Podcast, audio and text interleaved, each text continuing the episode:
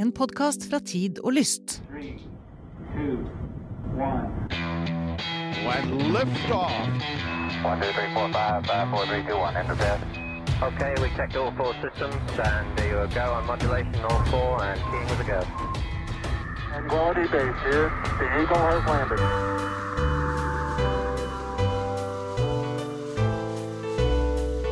Ah. Ja, nå kjenner vi eh, kjøttsvetta alle sammen her, vil jeg anta. Er det nå man begynner å si gledelig jul, eh, Eirik?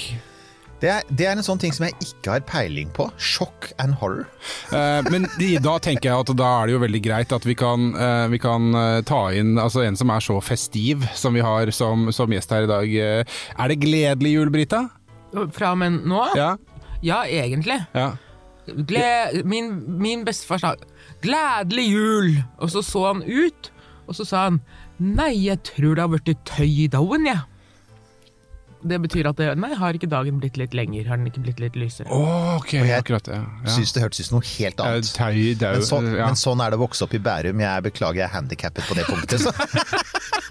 Det har blitt tøy i dagen. Ja, nemlig. Tøy, tøy, ja, tøy i dag Altså, den har tøyd seg, ja. Dagen har tøyd Jeg tenkte, vet, ikke, er, det, tøy i doen? Man har ikke Nei, kastet klær i toaletten. Nei. nei. Nei, øh, men altså. Mirakel at du har klart å komme deg gjennom livet uskadet. Ja, det har vært nære på noen ganger men jeg sier hvor jeg kommer fra. Jeg tror kanskje vi bare sier at det har kommet seg gjennom livet. Akkurat det med uskade er jeg litt usikker på, men vi bare sier kommet seg gjennom livet, tenker jeg.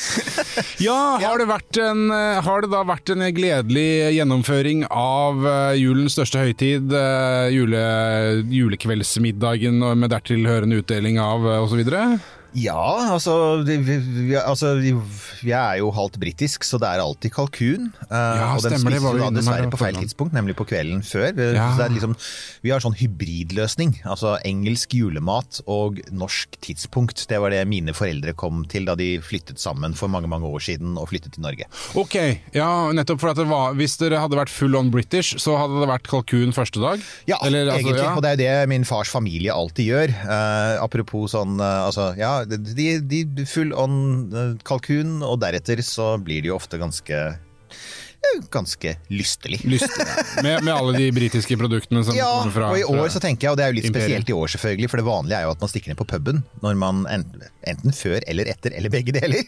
Eh, det skjer jo ikke i år, eh, og det er jo også en av grunnene til at vi gjør dette, er jo fordi at vi vet jo at eh, jula 2020 er spesiell, og det er nok ganske mange som ikke er så mye bevegelse som de kanskje hadde håpet på, og ikke kan treffe folk som de kanskje hadde håpet på. Så da, også derfor så tenker vi at ok, vi skal gjøre vårt beste her for å muntre dere opp, og en av måtene vi må gjøre det på er selvfølgelig altså Vi kommer til å sitte, vi har sittet og glodd mye på ting i året 2020, og vi kommer til å glo mye i denne romjula. Og derfor så har vi invitert deg, Britta, fordi det fins jo så mye kult space-relatert å se på i romjula. Det gjør det. Men heter det romjula? Det har, no, har det noe med rommet å gjøre? Nei, altså du sier noe, og igjen så er det her, men her kan vi bare åpne kommentarfeltet, og så kan dere si hva, hva, hva tror, hvorfor tror dere det heter rom? Har det, noe med, har det noe med brennevin å gjøre? Har det noe med space? Eller er det et eller annet norrønt som den kristne kirke har holdt skjult for oss? Ja, du, kan som ikke, selve navnet du kan ikke stikke kjepper i romjula, det var liksom det eneste jeg, den Øystein Sunde Åh, nå har jeg fått den på hjernen. Please, det var, det var Det er ondt. Ja, det er låta. Du kan Ja. ikke stikke kjepper i romjula. Nei, du kan ikke stikke kjepper Nei, men du må ikke, jeg klarer, jeg, øh, nei, jeg får ikke til Øystein Sunde, eh, for da får jeg bli psykotisk. Nå får vi en eh, copyright strike her for øvrig. Det var så vakkert gjengitt. Ja. Ja. Takk, takk, takk. la oss si at i, i, i romkapselen så er romjulen øh, rommet. Det er helt klart Ja, ja, det har den jo vært. Det er jo. Ja, det Og vi feirer, man feirer jul i rommet, det kommer vi etter hvert til, men før det så kan vi si ok, Britta. Altså, Mhm. eh, d- vi ga deg i oppgave å si liksom sånn ok. Ting som har sånn vaguely mer eller mindre med space å gjøre, serier, filmer, Ja. som er tilgjengelig på de, og vi sa liksom sånn, hvis det er på de vanligste strømmetjenestene, eller hvis det er i disse, tross alt, du kan kjøpe de fleste filmer for nedlasting, enten av Apple eller Google, eller er vel Viaplay har også en, altså veldig mange har en butikk nå, hvor du kan få kjøpt innmari mange filmer. Ja. Eller leid. Så, så hva tenker du? Du, altså, jeg har jo da laget en, sånn derre, eh, en hel haug her, men vi kan starte med det som eh, Hvis du ikke har sett disse, dette er det amerikanske filminstituttet, det kanskje det mest seriøse filminstituttet av dem alle. Bortsett fra det franske, de er veldig sinte, men det, Det kan jeg livlig forestille meg. ja. Men uh, de har laget um, uh, en oversikt, eller de laget en ti på toppliste over de viktigste, beste science fiction-filmene som er laget. Og Ever? dette, ja, ja, ja, Ja, ja. Og dette er liksom Dette er en bucketlist. Ja. Du må ha sett disse. ja. Ellers kan du ikke kalle deg menneske, spør du meg. Rett og slett. Eh, og dere kan jo si ja og nei hvis dere ikke har sett dem eller ikke. Da, Da gjør vi det. Ja. Eh, skal jeg begynne nederst og gå Ja, oppover? gjør det. Altså Ja, nummer ti, ja, ja, liksom? Så skal vi ta en sånn liten drumroll som i eh, Christmas Vacation Ja. på slutten. Eh, nummer ti, Back to the Future. Ah, selvfølgelig. Ja, Ja, ja. det er briljant. Eh, nummer ni, Invasion of the Body Snatchers fra 1956. Jeg har sett den for innmari lenge siden, og jeg, jeg, men jeg var for ung, så jeg skjønte den ikke. Jeg skjønner at jeg kanskje bør se den igjen. Ok, ja, Da gjelder den ikke. Juryen ute. Nei, ok, da gjelder den Den ikke. gjelder den ikke. Um, nummer åtte, Terminator 2. Åh, Får jeg bare si en ting? Akkurat nå, hvis dere vil unne dere en ordentlig koselig lydbokopplevelse, så gå til en engelsk lydbokhandel og last ned Arne Arnold Schwarzeneggers selvbiografi. Den er så, også du som er interessert i film, det er så morsomt. Han, er, han forteller så bra, annet om hvordan Terminator 2 ble til. Han og James Cameron, hvordan de lagde den. Kjempegøy. Jeg vil bare si det. Han det er leser altså, det selv, altså? Uh, første kapittel leser han selv, og så er du innmari glad for at noen andre overtar. Ja, det tenkte jeg. I was a little boy. ja, ja, han starter med I was a little boy in Austria. Put that cookie down. Det er også en julereferanse. anymore. Weights. Ja, sånn han høres ut. Ja. Oh, oh, oh. å. Ja. Ja, nei, skal vi se, hvor, hvor langt var vi kommet da? Nummer åtte, T2, ja. Ja. Nummer syv, Alien. Så langt nede. Her er jeg litt skuffet. Ja, og er det, er det da i Er det en eller annen form for sånn eh, prioritert rekkefølge dette her? Ja, dette er fra nummer ti og oppover, da. Og de beste. Altså, Jo, men de er rangert her også, det er ikke Ja. bare lista opp, det er Å rangert. ja, ja. Rangert, Å ja, Ja, det er egentlig så langt nede. ja, er- Vi kan jo film. Ja. Men bortsett fra at her tok de feil. Uh, nummer seks, Blade Runner. Ja, ja. Ja ja. Jo. Ja. Jeg er enig der. Uh, nummer fem blir da The Day the Earth Stood Still fra 1951. 51-versjonen. Den har jeg også sett, og den husker jeg at jeg likte. Den var veldig rar. Eh, Klatu Sett den altså, er for lenge siden. sånn? Ja. Eh, han, han, har det, ja, det, altså, han har det rare den Ikke Keanu Reeves-versjonen. Nei, liksom. nei, nei, nei, Nei. Nei. Eh, nei, men den er veldig god. Altså, den, altså, I våre dager, hvis vi ser den nå, så er den jo veldig stiv og rar og sånn. Mm. Men veldig effektiv. Uh, nummer fire, Clockwork Orange. Ikke sett. Og Og det den er med på den lista der, ja. Ok, Ok, ja. Det er jo litt interessant. eh, Det er for- deres definisjon av science fiction. Da. Ja, nettopp. For den er jo Ja, fordi det er framtida, som Er det det som er Ja, ok. Mm. Den, jeg ville, jeg ville For at jeg liker jo det å lage en egen kategori som er litt sånn der, De der dystopiske framtidsvisjonene. Og da ville jo den definitivt havna inn i den kategorien, ikke mer sånn sci-fi. har, har du sett den? I, i Clockwork Orange, ja. Jeg har jo ikke det, så det er helt utrolig pinlig. Det er Let's- et Har du kjempehull i min filmkunnskap. Flaut. Flaut, flaut, flaut. Men jeg har jo nettopp sagt til folk at det, det er mulig å leie og kjøpe omtrent alt, så da får jeg jo se på det, da. Ja. Ja. Jeg skal ha sett den før neste gang du kommer i studio, Brita. Ja, er, er det en deal? Ja, Ja. da, skal vi snakke sammen, for det kan være at den påvirker Vi deg veldig sterkt. snakke, trenger å snakke sammen. Eh, nummer tre, da, er ET. Ja. Ja, den er fin! Jeg er ikke så glad i IT, jeg, altså. Nei, altså jeg ville ikke plassert den blant de ti øverste, men den er fin. Nei, jeg, nei Hva er det med vet du den, hva. da? Nei, må du forklare. Nei, det er bare det at de- eh, den, den Jeg har jo selvfølgelig sett ET, men jeg syns den er litt sånn søtladen. Uh, og det er ikke, liksom ikke Det er en god film, for all del. Uh, jeg ser det. Men, og jeg, jeg skjønner absolutt liksom, ETs posisjon i historien, men personlig så er jeg ikke så glad i den. For den er, jeg syns den er litt sånn søtladen, og det er sånn litt tilløp til sånn tårepersprosjekt, og det, det syns jeg bare er litt slitsomt innimellom. Så den er ikke sånn Nå skal jeg se en film, da ville jeg satt på IT, nei. Jeg, du ser jeg veldig rart på meg nå, Brita. Ja, nei, nå tenker jeg mer at det, dette antageligvis ikke bare gjelder IT, men dette gjelder dette å være i kontakt med følelsene dine, og alle filmer som, som kanskje kan få deg til å gråte. Det, det kan, du kan nok være inne på noe At der, du føler ubehag ved å se filmer som Et kanskje kan få tips fra en eh, julefilm er at du kan stille deg opp foran den du bryr deg om, og så ha sånne kort som du holder, og så, så du river av etter hvert. Så får du Ja. sagt det uten å behøve å si Ja, et ok, ord. Ja, ja, det er en veldig sånn, mandig måte å gjøre det på. For øvrig, Bob Dylan-måten å gjøre det på. Og for å- for å sørge for at dette her er Du skal straks få sagt det, Britt. Jeg må bare si før jeg glemmer det. Ja. Uh, for å sørge for at dette her blir en av de lengste podkastene i historien, så vil jeg si Jeg må bare sitere Arnie igjen, for han, han er ganske irritert på ET. For at den blir jo da en kjempesuksess omtrent mens han lager Conan-filmene. Og han elsker jo at hoder flyr, og at gørra flyter, og at blodet spruter i Conan-filmene. Og så blir jo selv, alle Plutselig finner alle de store filmselskapene ut at liksom sånn under 13 er det sånn PG. altså Du skal, du skal under det. Du skal, ha med, du skal ha med barna i kino. Sånn at de, de, de, de snilla jo ned. De tok jo vekk så mye gørr i de fremtidige filmene, og han ble kjempesur for det. Så Arnie liker ikke ET, så du har, har med han i det. Men av litt andre grunner, da. Okay, okay, Eller ikke egentlig, det handler jo om følelser, det òg. ja, ET Crampty Style. Ja, crampy style. Men hva ville du si? Du var i ferd med å si noe. Jeg husker ikke.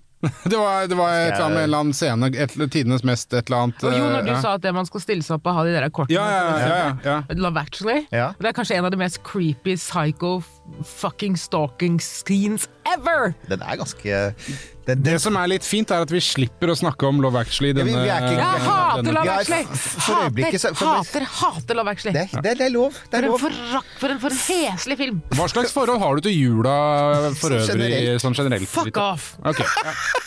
Forrige gang Miljøpartiet De Grønne. Ja. Nå Love Actually og jul generelt. Ok, moving on. Ja, moving on. Hvor langt var vi Vi hadde Det var kommet til andre, andreplass, tror jeg. Ja, vi skal begynne på andreplass. Der ligger Star Wars. Ja, jeg er ikke uenig i at den er på ti på topplista. Sorry, eh, Britta, jeg vet det er infantilt, but I love it. Det er en Ja, stor men dette er 1977, så den elsker jo jeg òg. Ja, og det er en stor, koselig marsipanklump av en Åh, vet du hva? Det er så, det er så Det- deilig å se den igjen. Jeg, tre første Star Wars som ble laget da for 3000 år siden, yes. Alt Ja. annet som kom etterpå, tørker meg i rumpa med. vet du hva, kan jeg få lov til å si at jeg gleder meg så intenst til uh, Vi er på god vei, men guttungen er fire. Ja. Uh, men jeg gleder meg så intenst til vi kan sitte sammen og se Star Wars. Og så håper jeg at han har lyst til det. Det- uh, jeg, han, han er vel kjent allerede med på en måte universet. Vi har sett litt sånn Star Wars-Lego-ting og sånn, og noen tegnefilmprosjekter. Men, men når vi kan Når vi tenker at nå er- takler han det, så gleder Åh, gud a meg! Det blir så julekos, det! Det blir så kos. Jeg bare sin liten advarsel, for jeg gjorde jo det med eh, min sønn da han kom i den rette alderen. Og han og vennene hans de satte seg ned og de slukte Star Wars. Og det som er litt, det som er litt synd, var at de endte, jo faktisk opp med å like de nye bedre, for de hadde jo bedre Så, så da, da satt jeg der og så på den ene siden, fint at dere liker Star Wars, men hallo, eier dere ikke filmatisk smak og feinschmeckerifølelse? Så det er bare bare å være forberedt på Jo, at det kan hende at ikke de innser at 1977 original cut, ikke alle de der datagenererte Nei, nei. skvip etterpå. Original cut, hvor, eh, hvor Han shot first. Ja, Det er den som gjelder. Ja. Men, eh, så det er, det er fremdeles en bitter strid. Ok, ja. Ja, nei, men jeg, jeg, jeg, jeg, skjønner jo det, at fordi det, de nye filmene ser nyere ut, og er mer liksom, i deres tidsånd. Jeg skjønner det at de kanskje kan trekkes mer mot dem, men igjen, vi kan jo på en måte ikke eh, de, Eller de må være unnskyldt fordi de er yngre, mm. måte, og ikke, ikke har fått historien inn den rette veien, på et, på et vis. Så det, det, de, de, kan ikke, de kan ikke lastes for det, Nei, jeg. det er riktig, det. Ja, det var Så, veldig ordentlig. Ja, sagt b- på førsteplass. Førsteplass, da var det Ja, da, kan, da må dere gjette, da. Virvel. Eh, brrr, 2001, 2001, 2001. Helt riktig. Yes! Jeg vet at alle andre hater den. I love it. Og har dere sett alle monolittene som folk setter opp jorda Ja, ut? hva er det nå? Du, hva er det? Altså, jeg Nå var det en utafor uh, Ja, Riise. I Norge, Nei. they are getting closer. Ja. Bare så det er sagt, folkens, det er ikke oss. Eller ikke meg. Det, det kunne ha vært meg. Kunne vært. Jeg hadde gjerne satt opp sånne monolitter og så prøvd å få noen aper til å danse rundt dem, men uh, det er Men ja, nei, men uh, jeg, vet, jeg, har, altså, jeg vet at den er så universelt misforstått, og, og, og også såpass jeg skal ikke si at det er en julefilm, for den handler om kosmisk angst, og den handler om det tomme og ensomme universet. Som, som altså Stanley Kubrick, regissøren, sa jo uh, famously om den filmen at, uh, at det er altså, han, sier, han sier det verste med universet is not that it is hostile, but that it is indifferent. Det verste med universet er ikke at det er fiendtlig, men at det ikke bryr seg. Det skal, ikke- det, dere skal få slippe å høre det budskapet i koronajula 2020, så istedenfor skal vi gå på litt Men, andre typer. Eirik, kan ikke jeg få en sånn marsipangreie? før Det skal du få. Og forresten, jeg har.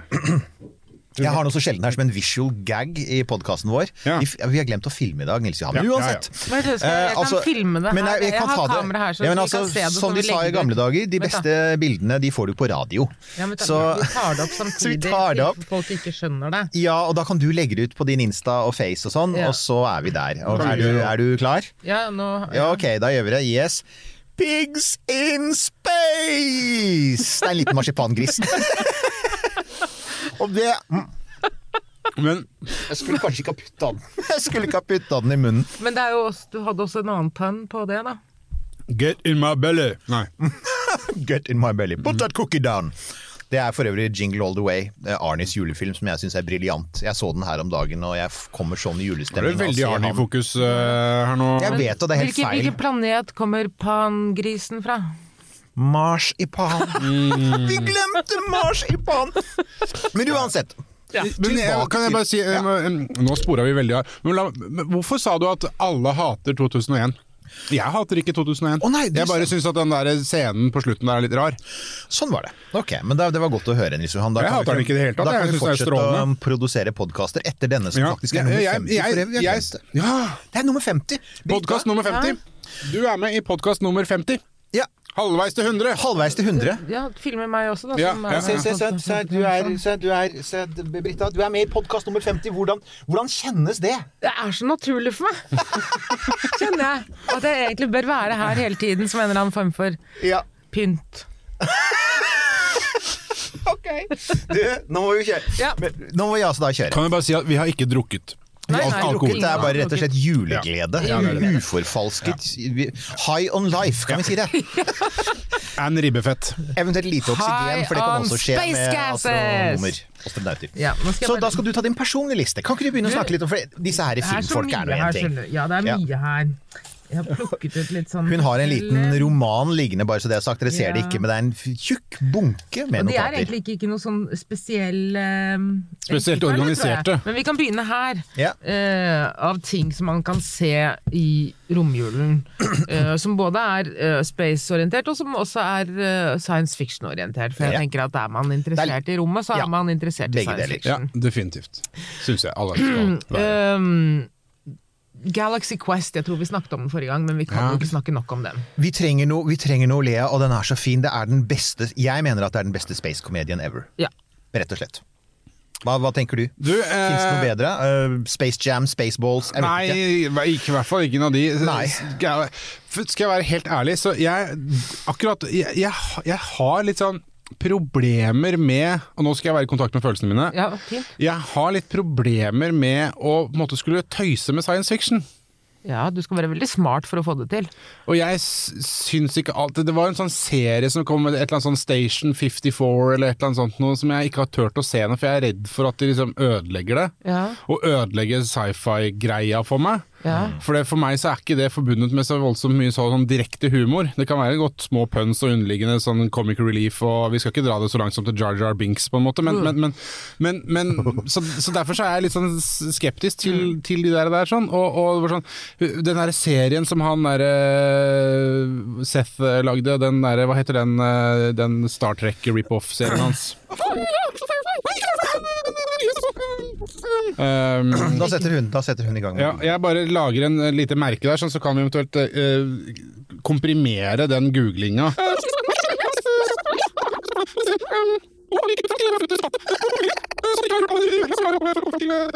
Å ja, den har jeg The Orville. Den serien.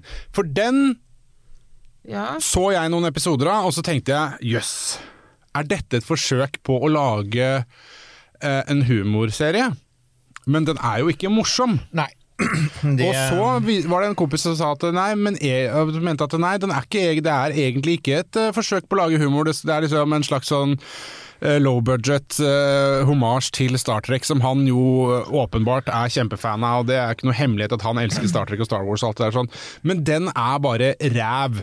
Ja. og hvis det skal være en komedie, så kan ikke episodene være på 48 minutter, og det er de. Ja. Og da er det ikke en komedie. Å nei, da er de helt klart Nei, den, så den, nei, så den, er, den, er, den er bare dårlig eh, som komedie, som det da åpenbart ikke er. uh, og også dårlig som drama. Ja, så liker vi ikke han. Å nei, vi gjør ikke det, nei. Okay. Nei. Nei vel. Nei. Så da er, er det fastslått. Ja, okay. Men jeg vil bare si at uh, det er jo uh, det, det, det som jeg syns redder uh, Galaxy Quest, det er jo at den er lagd med et godt hjerte. Ja. Altså, og den er jo elsket. Det som har reddet den filmen i, i box-officen, for det var også en sånn en som de hadde store forhåpninger til, bl.a. fordi de brukte Tim Allen, som for øvrig ble nevnt i forrige julesending her også, fordi at han blir spagettifisert lik et svart hull i The Santa Claus, som ikke er akkurat er verdens beste julefilm, men som også har noe om svarte hull. Så hør episoden med Sunniva Rose, for der kommer Tim Allen også opp. Her så var det jo eh, han er jo ikke akkurat noen god skuespiller, og det sies jo at Alan Rickman sa til han, prøv, prøvde å forklare han skuespilleriets kunst. Og han ble etter hvert så sa han du er sånn Jo, du, du klarer det, men det er også alt. Men, men, men, men de som Altså, den gikk jo ikke så bra i box-officen, men den har jo tatt helt av i årene som fulgte, og vises på alle sånne Star Trek-cons i USA og sånn, fordi de elsker den. Og da tenker jeg at vet du, når det er laget med så mye hjerte at miljøet selv sier det, så syns jeg Og, og, og det fins jo en annen film, altså jeg liker den veldig godt, det fins en annen humorfilm som også altså Galaxy Quest er for øvrig en av de jeg tror du må ut og leie. Mens det fins jo faktisk en som ligger på Netflix, som jeg er veldig glad i, som er Paul. Nei, du, Galaxy Quest lå på Hulu. Og på Hulu, ja! Så hvis du har tilgang til Hulu, go Ja. for it. Ja. Hvis ikke, så, så vet jeg at den også er Du kan leie den hos Apple og Google for noen dollar. Så, for jeg, jeg, jo, jeg har jo snakket om det før også, at det er en film som heter Paul, som er laget av gutta bak Shaun of the Dead, altså Simon Pegg og Nick Frost, som jeg liker veldig godt, de britiske komikerne. Og de har gjort noe av det samme. De tar utgangspunkt i i, i, i sånn eh, science fiction-con-greiene, San Diego-con, uh, med to sånne karer som er ute for å, å altså, De er to science fiction-nerder som skal ut på en sånn skikkelig roadtrip. Uh, for å se alle de store science fiction-stedene i USA. Area 51, uh, The Blackmail Box, ikke sant? Um, og så møter de et romvesen, som er Paul. Og igjen, den er faktisk Jeg syns den er morsom. Den ligger på, den ligger på Netflix. Se den om den er, den, Paul er veldig, og Paul er en veldig chill han er veldig alien. chill. uh, ja, vi kan si at han er en veldig chill alien, og det er, han er definitivt ikke ET. Han uh, har et språk og en opptatthet av, ja, skal vi si det, uh, hasj og analsex som kanskje ikke passer helt for, for, for, For hele familien. Så, så, så bare, her, her er dere advart. Dette er for mor og far når barna har lagt seg, men den er morsom, altså. Stoner alien. Stoner Ja, det er gøy. Stoner Ja, den har jeg ikke sett. Og den er full av sånne altså, Den er også full av referanser til selvfølgelig til tidligere science fiction-filmer Mm. som en annen som også ligger der, som mange vil si er litt komisk, som er Close Encounters of the Third Kind, Nærkontakt av tredje grad, som jo er Spielbergs store film. Ja, Kan jeg bare få lov til å si noe? Det vi egentlig håper på var å gå gjennom lista di, var ikke det? Har vi men spora helt av nei, nå? nei, nei, nei, nei. min liste er ikke noe, min liste er ikke noe sånn, det er ikke noe tall Men kan vi ikke ta litt på plukker Nå har jeg sagt én, og, og du har sagt Galaxy Quest. Mm. Kom igjen, vær så god, Nils Johan. Har du en på lista di? Over ting man kan se i, Ja. i jula? Jeg ba deg gjøre hjemmelekse. Ja, ja, ja, ja. Jeg, har, jeg har vært litt dårlig på hjemmeleksa mi, men, men, men altså det er, jeg, det er mer en sånn stemning man skal ha Ja. i jula, tenker jeg. Uh, og som er litt sånn uh, uh, rolig, og, og det må Jeg tenker at det må være noe du har sett før. Ja. På et vis. Ja, det må ikke For bli det må være- i julen. nei, Nei, må, For det må være forutsigbart. Ja, Okay. Gud. Eh, og, og jeg En film som jeg godt kunne tenke meg å, å se da, det er, da er vi er jo tilbake på Star Wars og et eller annet i det universet der. Mm. Jeg kunne også tenkt meg veldig lenge siden jeg har sett Event Horizon, men jeg tenker at det er ikke oh, jo! Det er ikke jule, Jo, er julemateriale, for den er så skummel. Den er Den er dark, skummel, ja. og når du har vært sammen med familien din i noen dager, Så trenger du så det. trenger du, så må du vite at det, det er en event horizon, og det er mørkt, og det er trist, og alt går til helvete. Og Alien og Aliens hører med i den samme Ja. Nei, men Event Horizon er faktisk veldig god, jeg liker den Ja, den er dritbra! Jeg syns det er en av de absolutt beste den. Nei, nei, det er jo samme. Salvata tutum et ex inferis. Altså, god jul. Men der har jo jeg da den greia med at av og til så kommer ting liksom i, når, når de sier Event Horizon, så starter min astrofysikerhjerne opp. Da hører liksom totaktsmotoren bak deg, så sier brrr, vent Ja. nå litt. Og jeg merker at det, for, jeg, altså, den er utvilsomt mye bedre enn filmen hvis navnet vi ikke skal nevne, men som begynner på I. Uh, men, men, oh, ja. men, men samtidig så er den såpass full av rare ting som gjør Så det, det kommer faktisk i veien for meg. Det er bare sånn. Oh, ja. Så jeg, jeg Altså skrekkelementene i den. ja, det er skrekkelementene. som sånn, Jo, men det er jo ikke, det er ikke sånn som skjer i det virkelige liv. Men jeg veit det er en skrekkfilm, så jeg veit jo at det skjer. Jeg veit jo også at zombier ikke fins, tror jeg. Forklar, for, forklar hva, hva en Event Horizon er. Det er hendelseshorisonten rundt et svart hull. Altså det er Innenfor den så er det i praksis ikke noe mer hendelser for deg, fordi at ikke noe informasjon om deg kan komme ut av det svarte hullet. For da, altså, da må du gå fortere enn lyset, og det går ikke an. Mhm. Så, så det, er, det er på en måte Der blir det svarte hullet en sånn ekte svart boks. Du Forsvinner du bak hendelseshorisonten, så er du borte for alltid. alltid. så Hvis jeg går nå bortover i rommet, nu, nu, nu, nu, nu, jeg ser en Event Horizon, jeg, jeg kan nærme meg den, Du kan nærme deg den, så, men så, hvis jeg kommer helt bortil så vil du uh, i det øyeblikk du passerer og Det er ingen som helt veit åssen du vil oppleve det, men de Nei. veit at det skjer mye rart med liksom partikler og energi og sånn rundt der. Ja. Men du vil kunne se den, for at det er sinnssykt mye stråling derfra. Så antageligvis vil strålingen fra alle partiklene som holder på å falle inn i hendelseshorisonten, Ja. antagelig drepe deg før du rekker å havne der. Men så er det jo to ting, da. Det ene er ikke sånn at jeg har muligheten til å stå på kanten av Event Horizon og stirre ned i et svart Ja, det er et godt poeng. Eh, Det må i så fall være Det fins kanskje noen sånn roterende nakne svarte hull. Vi er ikke på voksenstoff her, det er faktisk noe som heter det. Da er det kanskje mulig å gjøre det. det, er virkelig, det på en måte så er de skumleste svarte hullene det er de som er så store at du kanskje ikke engang veit at du har krysset hendelseshorisonten, sånn som det som er i midten av Melkeveien. Det er kjempesvært. Mm. Og der kan det hende at du flyr pent og rolig av gårde med et romskip, og så plutselig, før du aner ordet av det, så har du egentlig kommet innafor, og så er du en del av det. The Black Hole, som for øvrig er en film som sikkert også kan leies der ute, og som heller ikke var veldig bra. Okay. Nei, den gode gamle. En god gamle. Ja, det er ikke så lenge siden jeg så den. Ja, nei, altså, Den er ganske sliten, ja. Ja, den er litt sliten, og den sånn, de prøver seg litt på en sånn 2001-slutt, med sånne, der, de, med sånne rare ting som skjer inn i det svarte hullet, og litt sånn, jeg husker, var det sånn djevelvisjoner og noe, altså, jeg husker ikke, det var noen rare farger. Og, ja. Jeg husker ikke. jeg Nei, så, men uansett, yes, så du tenker, uh, du tenkte på... Ja, det må jeg vil ha noe som er Og og det er jo egentlig det jeg alltid leiter etter i sånn der For meg en god sånn uh, sci-fi, enten film eller serie eller hva det måtte være, er jo den derre litt sånn eh, og misforstå meg rett, konfliktløse, men det trenger det kan- for all del være Det må det jo være, for at det skal bli noe ut av. Men at det er eh, ikke så vanskelig å se på. Uh, Ja. Det liker jeg veldig veldig godt. Og da tenker jeg det jeg godt kunne gjort igjen, hvis jeg skulle, hadde, skulle hatt en sånn helt fullstendig lat jul. Eh, hvor jeg ikke trengte å gjøre noe og ikke trengte å forholde meg til noen, så hadde jeg bare gønna på med en ny Å, det kommer nå! Det har jo kommet når, vi, når, vi, når dette kommer på! Ja. Så er det jo en ny sesong av, eh, av um, denne Expanse. Den liker jeg. Ja. Den liker jeg. Er det noe? Ja, den er, eh, den er 16. desember kom den eh, ny Ah, sesong okay. av uh, Så egentlig har du sett den? E egentlig så har jeg sett den, ja. Men jeg kan ikke si hvordan det er nå. Nei, For kan- dette er jo før- røpe det. ja, ja. Nei. Nei, det God jul da, dere! Ja, god Ja, jul, men så, så bra. Men det er god jul. Uh, men det er blitt Ja, av nå din skal vi jeg se på noen flere her, skjønner du. Eh, og dette er litt gammelt og litt nytt, men som jeg tenker at man må ha med seg. Ja. Eh, Starship Troopers. Ja! Og det er også litt av politiske årsaker, hvis man vil se hvordan fascisme faktisk uh, virker. Ja. Så, og lurer på hm, hvordan ville det blitt i USA hvis Trump hadde fått fire år til? Starship Troopers! ville det blitt. Ja. Femte element, selvfølgelig. Til beste Ja.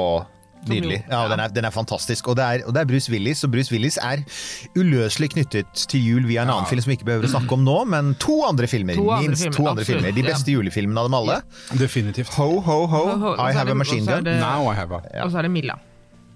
Ja, Mila Jovovic, ja. Ja. ja. Ja, ja, oh, ja, ja, ja. Lilo Dallas Multipass! Hva? For øvrig, hvilken er det fra? Det er jo fra The Fifth Ja, det er det. den- har du sett den der av samme regissør, Luc Besson, uh, uh, Valerian and the City of the Thousand Planets? Den kom jo for et par år siden. Nei? Det er jo samme, det er liksom i samme, litt samme stilen som uh, Det femte element. Ja. Og jeg, synes, jeg liker den veldig godt. Den, det, er, altså, det er jo massevis av datagrafikk som ikke fantes i Det femte element da den ble laget. Mm. Men den har noen av det samme sånn Han bruker aliens på en innmari kul måte. Eh, men altså igjen, Det femte element er, er bedre, men, men også Valerian kan være verdt å se. Valerian er jo sånn uh, teenage-flick-film, da. Ja, Eh, litt mer i den retningen ja. der. Men, men fremdeles, Men altså, er helt klart en, altså, vel verdt å se. Og da er det igjen bare å gå på eh, Apple eller Google og putte inn Valerian. Det holder lenge. Og så har jeg tenkt å spørre dere om, fordi i en periode over noen få år, så kom det en rekke science fiction-filmer som var, hva skal vi si da, ikke spesielt eh, altså De forsøkte å holde seg innenfor reglene, at man forestilte seg at det fantes regler i universet. da. Eh, og det var Gravity, Uh, The Martian Holdt den seg innenfor reglene? Ja, jo, men altså, den skulle, den skulle Ja, den se lot som det. realistisk ut. sant? Ja. Uh, The Martian, Ja. Moon. Eh, og i, i filmen In- Ja, ja, ja. Men det er fordi det jeg lurte på, var for eksempel Gravity. Som jeg, jeg så den, på en måte se den flere ganger, men jeg likte den bedre og bedre etter hvert. Ok, da skal jeg se den igjen. For nå har jeg sett den to ganger og blitt like sint hver gang. Ja, fortell, men fortell hva, For jeg var også sint på Nei, den altså, første gangen. vet- Fortell, så fortell hva du var sint For meg er det rett og slett det, det klassiske uttrykket 'suspension of disbelief'. Altså, du, filmen, må, filmen må overbevise deg uh, om å tro på det umulige, på sett og vis. Det må jo alle filmer ytterst sett. Og science fiction-filmer har alltid et litt sånn høyt fjell å klatre der. For at de, og, og i dette tilfellet så, så tenker jeg at de, har gjort, de gjør noen sånne snarveier. altså For å ta en helt konkret ting på slutten, og nå spoiler vi litt her. Bleep, spoiler alert. På slutten, når uh, Sandra Bullock, som for øvrig er veldig god i filmen, det skal jeg si. ja. Hun er veldig god, og, og George Clooney. Fine, det er fine skuespillere. Så de jobber, Og de Oscar og noe greier, der, var ikke det? Ja, ja, ja. Jo, det er også, så det er, og, og vel verdt, altså. Men på slutten der hvor hun annet kryper inn i et kinesisk romskip og begynner å trykke på knapper, og alt går som det skal, da er det ikke bare liksom space-nerden, det er bare sånn eh, Alt som har med kjøretøy å gjøre. Altså Tenk deg noe som er sånn 100 ganger vanskeligere å styre enn en bil, og du har aldri egentlig kjørt en bil med bare kinesiske knapper før, liksom. Det er noe der som jeg blir Jeg tenker sånn og, så, og når jeg ser det, så tenker jeg det er ikke det at ikke hun kunne hatt den slutten, det er bare at det syns jeg er latskap fra skribenten. Hun trykker på knappen og det løser seg. Istedenfor så kunne de ha gjort det smartere, tenker jeg. De kunne ha funnet en, en og, og til og med kanskje ha fått en har fått et, rett og slett fått en bedre handling av det. Og det gjelder flere andre ting også i den at de gjør det Så ja, det er, det er en sånn lost opportunity. Det er fantastisk godt plott og gode skuespillere, og så mister de gulvet fordi de vil ta noen sånn kjappveier rundt det som faktisk skjer. Og av og til så tenker jeg at det er faktisk sånn at det fins regler i universet. Og om noen ganger er det morsomt å bare bryte dem, sånn som du gjør i Star Wars og Star Trek. og sånn, du bare skjønner, ah, Hyperspace! sant? Andre ganger, når du her faktisk sier ja, men vi påstår at de fins, så tenker jeg, hvis dere hadde jobba litt hardere på manussiden, så hadde dere sett at det kan være morsomt å jobbe innen de reglene. Altså, ikke sant? Eh, Sånn nød lærer naken kvinne å spinne. Det, det, du, du får noen ekstra ting ved å følge de reglene. Og der syns jeg for øvrig The Martian er mye bedre som film, fordi den han, altså de, han følger stort sett reglene, og de greier å skape en handling innenfor rammen av det. Så det er min hovedgreie med det. Det ble litt mye sånn Nei, nei, men, Så- altså, men så det som provoserer deg mest, er at det hun kan, kan At hun skjønner At hun kan kinesisk. At hun skjønner Ja, og at, at gravitasjon funker faktisk Den heter Gravity, og gravitasjon funker ikke sånn som det er i filmen. Altså når hun flyr fra det ene romskipet. Altså det er en del sånne ting. Så, så det er sånn oh, ja, men hun har jo en sånn liten Jo, men det, er- det, det, det, er, det vil ikke funke sånn. Nei, men, okay. igjen, men det hadde men det, jeg, jeg sitter jo der og tenker Jeg vet hvis dere hadde hatt meg der i det rommet, så kunne jeg sagt det går ikke. Mm. Men det er noen andre muligheter her som dere kan jobbe med, som ville blitt innmari kule. Så det er noe med det å kunne jobbe med begrensningene istedenfor bare å si ah, nei, vi tar den snarveien. Så det er for mange snarveier for meg. Mm. Ok. Ok. Men, men, men jeg, Jeg- skal se den igjen. tror vet du, for, det- den, Jeg har sett den flere ganger, og øh, tenker at jeg syns den er veldig fin å se på. øh, og jeg liker liksom, alt ved det å se på den filmen, jeg tror faktisk ikke jeg har skjønt den. Nei, For jeg tror ikke helt jeg skjønner øh, hva det er som egentlig har skjedd og skjer i den filmen. Og jeg sitter hver gang Uh, den er ferdig, uh, og hun liksom reker seg opp uh, fra vannet der, opp på stranda. Så er det sånn Hva skjedde egentlig? altså Du kan se det som en stor metafor på at, det, at livet på jorden kom utenfra, men, Ja, det er et og, godt poeng. men Ja. ned i vannet. Ja, sånn, sånn ja. som vi har lært at det, det Ja. From the, the, the ur, urcesspoolen. Ja, Ja, ja, ja. Men derf, derfra kom det derfra. ja. Så det kan være en sånn metafor. Ja, ja, men, men- altså, ja, den, it has grown on me. Da skal jeg prøve meg. Ja, men det skal jeg gjøre. ja. Ja. Og så var det ja, The Martian og Moon og Martian og Moon, fantastiske filmer begge to. Ja. ja, Helt strålende. kjempefine. veldig eksistensielle og, og sånn spørre seg så, selv om så har vi da sånn. Interstellar, som dessverre, nå sa jeg det, eh, som dessverre havner litt for meg i samme landskapet som disse TV-seriene Away og First, som handler om folk som reiser i rommet, som stort sett er så deppa. Og jeg tenker at det er, det er sikkert mye deprimerende ved å reise i rommet, det er ikke det, men uh, det er stort og tomt og øde, som jo Og, og dessuten så bryr de seg ikke, som Stanley Kubrick påpekte, helt riktig.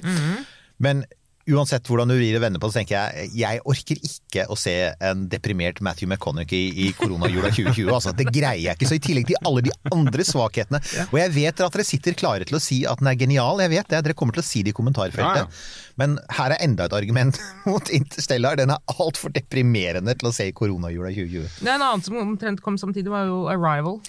Arrival Arrival. Ja, den er bra. Den er den. fin. Den er, den er intelligent og rar, og den, den har jo litt sånn, den har litt sånn nedetonefall, den òg. Altså, den er ganske sånn bokstavelig talt mørk. Det er mye mørke scener. Absolutt. Men jeg, en ting de, som de gjorde helt briljant der, var det språket til alienene. Det er nydelig. Det er gjort på en intelligent altså det, igjen, Ja, der er sånn, der, ja. er sånn, Der ser du at, at de, har, de har tenkt smart. Altså, og det jeg liker så godt når jeg ser god skriving i film. Når du ser det liksom Manusteamet har jobba godt, de har prata med kloke folk, de har hatt ordentlige diskusjoner. De har ikke fått noe pålegg fra produsenten om at nå må dere ta en snarvei for, fordi nå er vi over budsjett.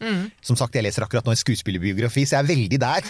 Og sier, nemlig. ah, nei, vi Ja. kunne ikke hogge ned de tre hodene, for det var ikke penger nok på Conan-budsjettet. ikke sant? Altså, så, så, så, ja, jeg, jeg skjønner det. Ja. Og da er det så deilig å se en film som bare får lov til å gjøre alt det som det uh, Ja. Og så, så vil den være vitenskapelig. Altså det, er, det, er, det er vitenskapsfolk som får lov til å jobbe. Og det er space til de grader. ja. Jeg har en Ja. som er, sånn, som er fin å se på. Eh, og så husker jeg ikke hva den heter for noe. Uh, okay. Tom, Tom Cruise. Minority Report. Nei, ikke Minority Report. Den uh, iPhone-filmen. Den ser ut, hele, hele filmen bare ser ut som en iPhone. Uh, hvor han er nede på og krutter rundt i denne sfæren sin og finner seg sjøl og Å, hva det kloner. Å oh, ja, er det Å, ja, ja. Jack Reacher-film, da? nei, nei, nei. Nei, nei. eh, det er ikke, ikke, ikke Extinction eller noe sånt, men det er noe sånt. Er det ikke noe i den veien der? så er det han annet så har han med seg en pike. Ja, ja, ja. Det er flere, riktig. opp til et par, par piker der. En som spiller noe bånd på et eller annet senere til tidligere- ikke sant? så nå, så, så det er, som dere hører, så er vi, vi er virkelig i første juledagsform her. Eh, ja, men Eh, ja, Og hva heter den? den Gud a meg, hva heter den? nei, nei, nei. Eh, Edge of Tomorrow. Nei, ikke Edge of Tomorrow. Den er for så vidt artig, den òg, men uh, ikke den. morsom take på Um, Groundhog Day. Den heter, den heter ett ord. Oblivion. Oblivion. Der var den. Ikke Extinction, Oblivion. Den er altså uh, Den er så fin å se på. Og så Ja, behagelig estet... Det er altså, Dette tror jeg er en av de første filmene hvor det var liksom det første jeg tenkte etter å ha sett den filmen, at det, oi, den var veldig sånn flott å se på. Eh, og så er det jo andre filmer som er vel så flotte på en annen måte å se på, men den var sånn Oi, den var veldig fin å se på. Den, den er det. Den er vakker. Og, og den har igjen altså, jeg, jeg har jo egentlig sansen for disse filmene også som Nå er i det rette hjørnet, som har en litt sånn, igjen, en litt sånn nedestemning. For den er også litt der, føler jeg. For ting er litt over, og han Ja. leter etter ting. Ja. Og, og det er definitivt ikke denne koselige, varme, rike jorda full av masse mennesker. Og? Det, er noe, det er noe fælt og stort som har skjedd, og alt dette som ofte er tilfellet der. Så jeg, jeg, jeg ser den. Jeg tenkte jeg skulle også nevne noe for unga, da. Ja. Bortsett fra IT, som jo alle må se. Um, The Iron Giant. Ja, Iron Giant er kjempefint, og han er jo faktisk space. Det er en nydelig, klassisk film. Uh, basert på en klassisk barnebok av Ted Hughes, het han vel, forfatteren. Og, og ja, Jernkjempen. Fantastisk. Og, og når folk sier ja, men er ikke det bare en stor robot? Ah, just wait and see. Det er space. Ja. It's space. Og den er så velsp... Altså, tegningene er ekstremt enkle for, Ja. altså, til det man skal forvente. Men jeg var er kanskje en av de mest rørende og, og sånn Nydelige. nydelige kjærlighetshistoriene jeg har sett. Kan jeg se den med guttungen Ja, på fire? absolutt. Det kan du Hvis ikke han har sett den med mora si allerede. Ja, men det, er definitivt. Den er vel verdt å se. Også- Um, og så selvfølgelig uh, Wally. Wall-E! og den har jeg, søren, den hadde jeg glemt å nevne, men ja! Det, man må ikke glemme Wally, for Wally har blitt glemt allerede en gang, og det er så hjerteskjærende at det ikke holder ut. Og så er altså, Når jeg sa Pigs in Space, så fins fremdeles Muppets, folkens. De er der ute. Det er ikke sikkert de er tilgjengelige på noen vanlig kanal, men de fins sikkert å leie ellers, så ja. Wally er fin. Den har vi sett eh, mange ganger. Det som slo meg, er at uh, i liksom det korona covid-19-lockdown, Ja. Ja. så har vi alle blitt passasjerene på dette skipet, Ja. som bare sitter i stolene våre Og og vi trykker har på alle knapper og gått opp noen, eh, vi har gått opp noen kilo og blitt sittende stille. Ja. Eh, og så Flight of the Navigator, selvfølgelig, som også er for unga. Den er fra 1986. Å, gud a meg! Kutt ut! Hvor ligger den? Uh, den var på Netflix, faktisk. Oh, det, men så ligger det en ting til for de små, da. Som Mm. jeg kom over en tilfeldighet da jeg var ute og researcha her om dagen. På HBO Nordic Mm. så ligger faktisk Rumlingene. Husker du den? Nei! Nei, slutt da! Clangers, som de heter på engelsk. Ja, ja. Og alle ho, ho, Ja. De som snakker sånn. Ja. Uh, ja, så jeg blir helt sånn Suppedragen og allting. Ja, nemlig! Alt dette Suppedrag Ja, nemlig! Alt, altså, alle episodene ligger på, på HBO. Men- og kan jeg bare, For de av dere som ikke vet det, jeg vet at det er noen som er under tregrensa som hører på dette. Her er HBOs beskrivelse. Hvis ikke dere blir tatt av denne, okay. hvis ikke dere nå løper ut og setter den på for ungen deres, så er det noe galt med dere. Rumlingene er rosa, det er på nynorsk, da. Langnasa, oppfinnsomme og elskelige museliknende skapninger som bor på en liten blå planet ute blant stjernene, ikke langt fra jorda. Og bedre anbefaling får du ikke på nynorsk. Men vi visste jo ikke at de var rosa. Nei, vi gjorde ikke det, for det var svart-hvitt. Det er helt riktig.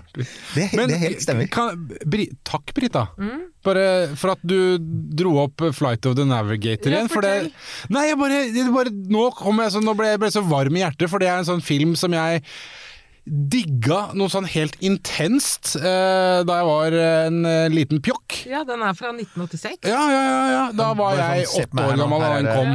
Og jeg husker den filmen. Fy fader!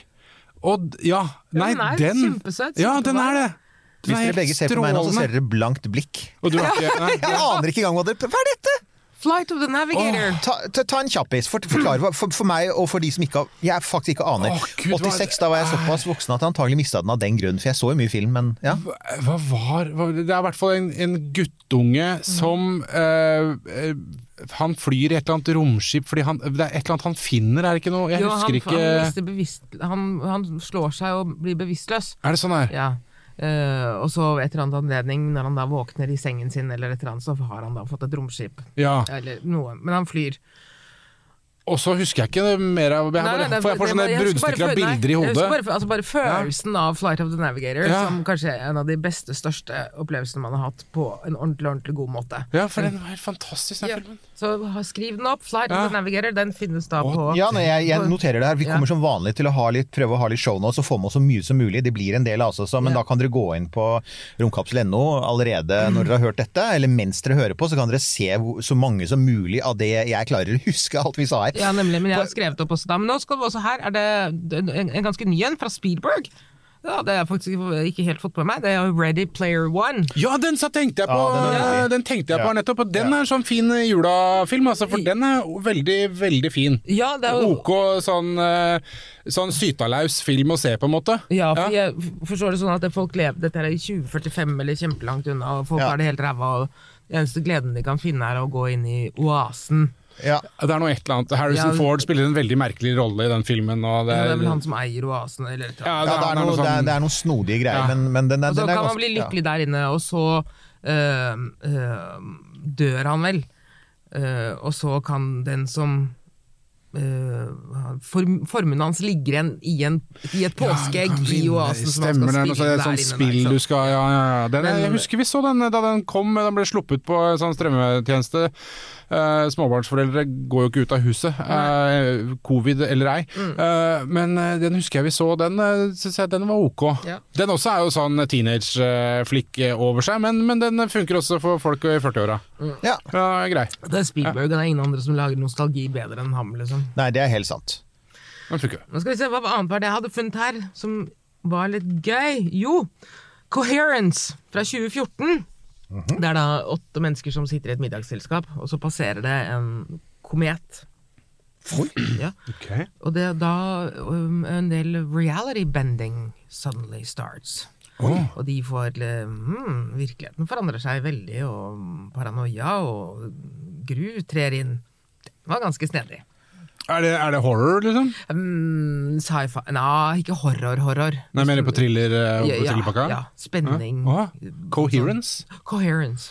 Notert. Så det, hvis man vil ha litt Ja. skrekk og sånn der, da. Ja. Eh, så var det andre hvis var det, eller- Jo! Uh, man vil jo gjerne ha noe space som faktisk har noen ting med noen av de reisene som faktisk har blitt foretatt her på jorden til månen. Yes, jeg lurer på om du skulle komme til det. Ja. Og min absolutte favoritt, den som jeg ser om igjen og om igjen, om igjen, er HBOs miniserie From the Earth to the Moon. Og det er så godt du sier det, for jeg har nevnt den her, jeg også. Dra Dokudrama om Apollo-programmet. Og vi kan vel si at en av grunnene til at den blir så bra Altså Jeg tenker at du skal ha de ulike følelser i jorda. Hvis du vil ha den litt sånn, sånn svulmende følelsen som bare amerikanerne kan skape, hvor de spiller sånn Altså de har, de har to typer filmmusikk som alltid så Presidential music, presidentmusikk. Det er bare å se på sånn uh, The, The American President-filmen Ja. eksempel, eller se på West Wing. Der er den hele tiden. Det er litt sånn svulmende. Og så har du Mye space-musikk. messingblåsere. Mye messingblåsere, og så har du space-musikk. Eh, og, og faktisk så Apollo 13 har blant annet vanvittig bra, et vanvittig bra soundtrack. Eh, oppskytingen på Apollo 13 er noe av det beste filmmusikken som er laget, by the way. Men ja, det er Ron Howard Howard som er stor romnerd, og så er det Tom Hanks som er en enda større NASA-nerd. Ja, ja, Tom. Hanks stiller jo alltid opp for NASA og gjør hva som helst. Og de har begge to snakket om liksom sånn deres oppvekst på 60-tallet, de så det skje, og så ville de dokumentere det, og så ga, sa HBO 'let's go'. Og den er blitt så fin. Den er helt fabelaktig. Og Apollo 8-episoden, apropos det, vi har jo snakket om, vi kommer litt tilbake til, Apollo 8 er juleferden til, i Apollo-serien. Og kanskje den viktigste, den viktigste romferden noensinne Men, på men, altså, men, men uh, til, komme tilbake til Vi trenger ikke komme tilbake til det. Vi kan Nei. ta den. Det er jo en Da skal vi gyllen ta det mulighet nå. for å ta For den. Vi har for vært innom det tidligere. Men, Vi har vært innom det sånn ja. lite, lite break her, og det er rett og slett fra alle filmene. Og det er jo Jeg er helt enig, så ja, Uh, From the Earth to the Moon på HBO, og også, um, uh, også um, Apollo 13, som ligger på Netflix fremdeles. Altså Hvis ikke du har sett den, eller hvis du bare har lyst til å se den igjen og få den gode stemningen den go som, som bare amerikanerne klarer å skape romfilm. Jeg har forsøkt å se russiske romfilmer, de har lagd mange, men de får aldri den der. Og så har du jo en, en Der kan du jo også si at du har en slags parallell til dette å, å være uh, inne eh, sperra med familien i, under vanskelige forhold over lang tid. Det er riktig. En slags analog der, Ja, om du vil. Ja. Det er jo det. Ja. Ja, og når konflikten skjer, Ja. hvordan de løser Hvordan den. det løses. Ja. Ja, ikke sant? Helt sant. Nei, altså, vi hadde jo eh, for ca. et år siden, da, vi var, da, denne, da dette fremdeles var en veldig ung og uerfaren podkast, så vi er altså da på episode 50. 50! 50, woo! Og det er altså 50 på den 25. Det er ikke tilfeldig i det hele tatt, selv om noen sikkert kommer til å påpeke det. Eh, og det er selvfølgelig utrolig kult at du er med på vår halvveis til 100-sending, uh, Britta. Det er vi jo bare så glade for. Men uansett, på vår julesending i fjor, da. Eh, hvor vi også slo marsipanvitser og serverte berlinerkranser til minne om Werner von Braun. Mm, Da var han nevnt. Så måtte han nevnt. Så, så, så, um, så måtte vi også nevne eh, Apollo 8, fordi det, det var en fantastisk romferd, og den er veldig godt skildret i den HBO-serien. Det er den som slutter med den HBO-episoden. Slutter jo med det brevet som faktisk ble sendt til NASA med en kvinne som sa året 1968 var horribelt. Det var Vietnamkrigen, eh, Robert Kennedy var blitt drept, Martin Luther King var blitt drept, USA hadde brent, altså det hadde vært opptøyer hele året. Så hun sa 'you saved 1968', ikke sant? Og det er det som liksom er poenget der. Så disse gutta, vi, og vi kan godt spille av det klippet nå, hvor de altså faktisk kommer med sin julehilsen til, um, til jorda. Og de valgte jo da å bli gammeltestamentlige. Eh, Bøy hodene i andektighet, eh, og, så, og så hører vi på det. We are uh, uh, sunrise, and uh, for all the people back on Earth, crew of Apollo 8 has a message that we would like to send to you. In the beginning, God created the heaven and the earth, and the earth was without form and void, and darkness was upon the face of the deep. And the Spirit of God moved upon the face of the waters. And God said, Let there be light. And there was light. And God saw the light, it was good, and divided the light from the darkness.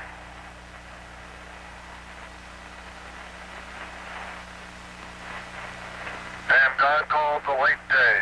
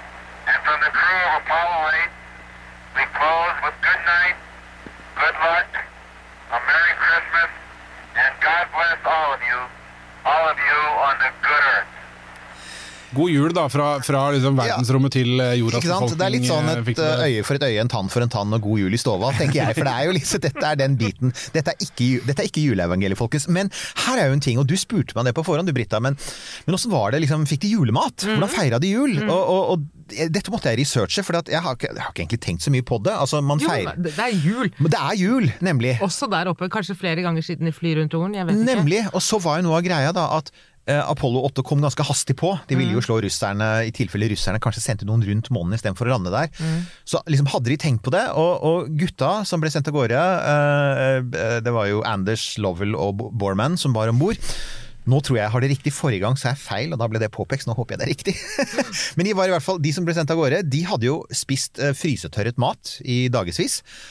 Og hadde egentlig, De gledet seg ikke noe særlig til måltidene, for det, hadde, det var så kjipt. Ja. Uh, og så på deres altså De er jo amerikansk julefeiring, da, så det er altså den 25., som er dagen da dette slippes også, så det passer jo veldig bra.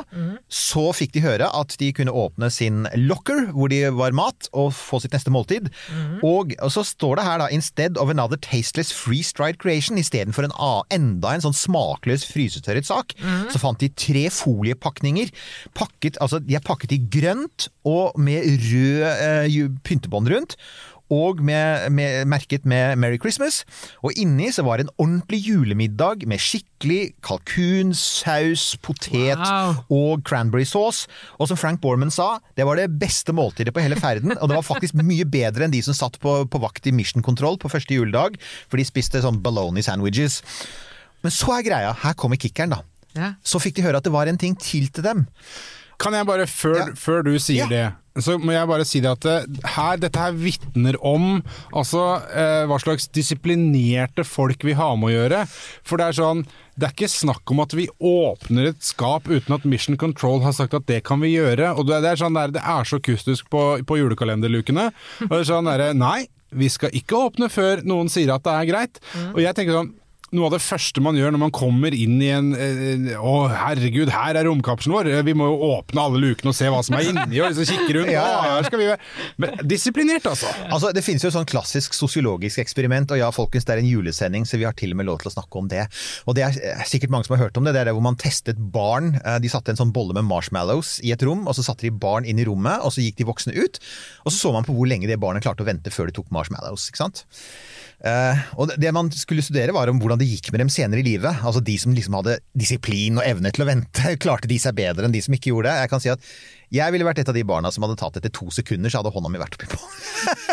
Mens Frank Borman og venner hadde vært sånn etter to, etter to timer sagt eh, kan jeg få lov til å gå nå uten å ha rørt en bit, ikke sant. altså, så ja. Og her kommer da det, En ting var at de klar- klarte å vente med å spise all god julematen, men den virkelige disiplinen, den kommer nå. Fordi at det var en ting til i den lokkeren, og det var altså tre små flasker med eh, Coronet VSQ californsk druebrandy.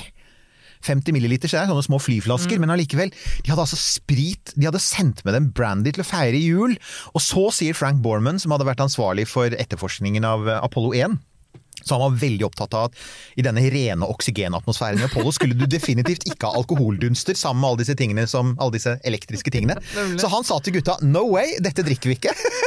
så flaskene, de tre spritflaskene ble med tilbake.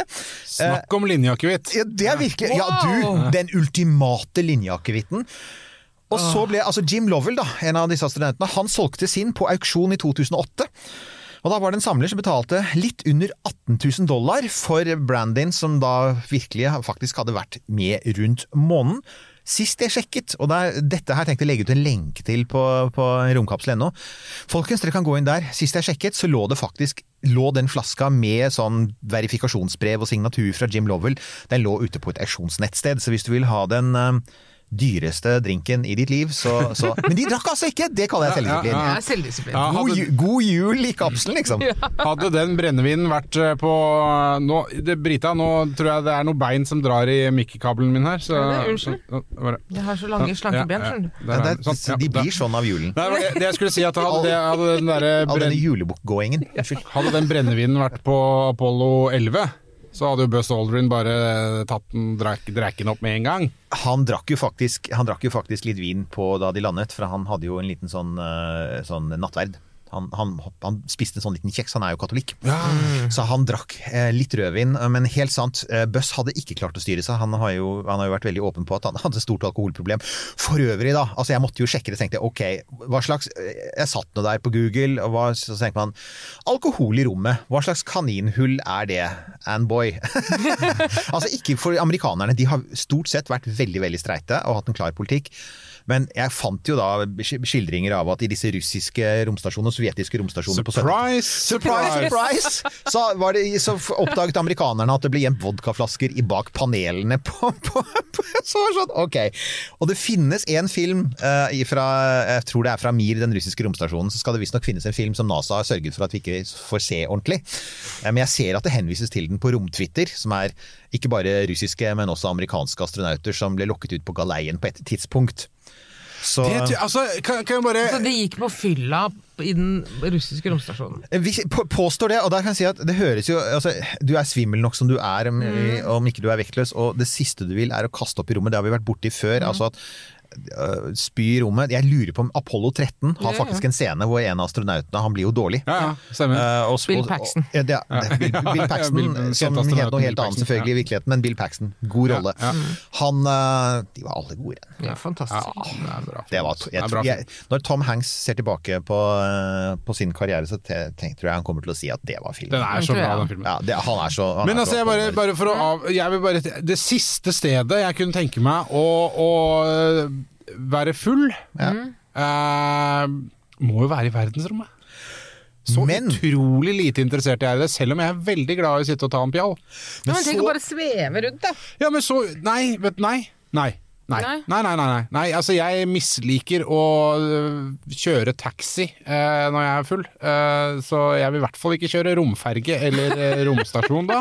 Altså, jeg, jeg reagerer også innmari altså, Det er sant, jeg uh, greier heller Jeg, jeg syns det er veldig hyggelig med, med alkohol opp til et visst punkt, og så snart jeg begynner å kjenne at nesa mi blir nummen, så stopper jeg, for da vet jeg at det blir så utrivelig. Smake utrivelig. mat i verdensrommet. Har man smak i munnen i verdensrommet? Man har smak i munnen i verdensrommet, og det er så fint du sier det, Britta. For vi må si én siste ting før vi tar en liten runde til på film og TV-serier. Og det er eh, For det er romjul, og dette er et romjulstema. Det er mange som liker å ta seg en liten knert med god whisky, deriblant Ardbeg. Er det et merke som heter? Du har kanskje hørt om det? Jeg har hørt om Ardbeg. Ja. Ja, jeg er ikke helt på Jeg har en far og en bror som er veldig glad i whisky. Jeg er ikke helt der. Jeg husker jeg prøvde en sånn whisky-smakerekke i Skottland for mange år siden. Jeg synes det var helt uh, Ja. Men uansett.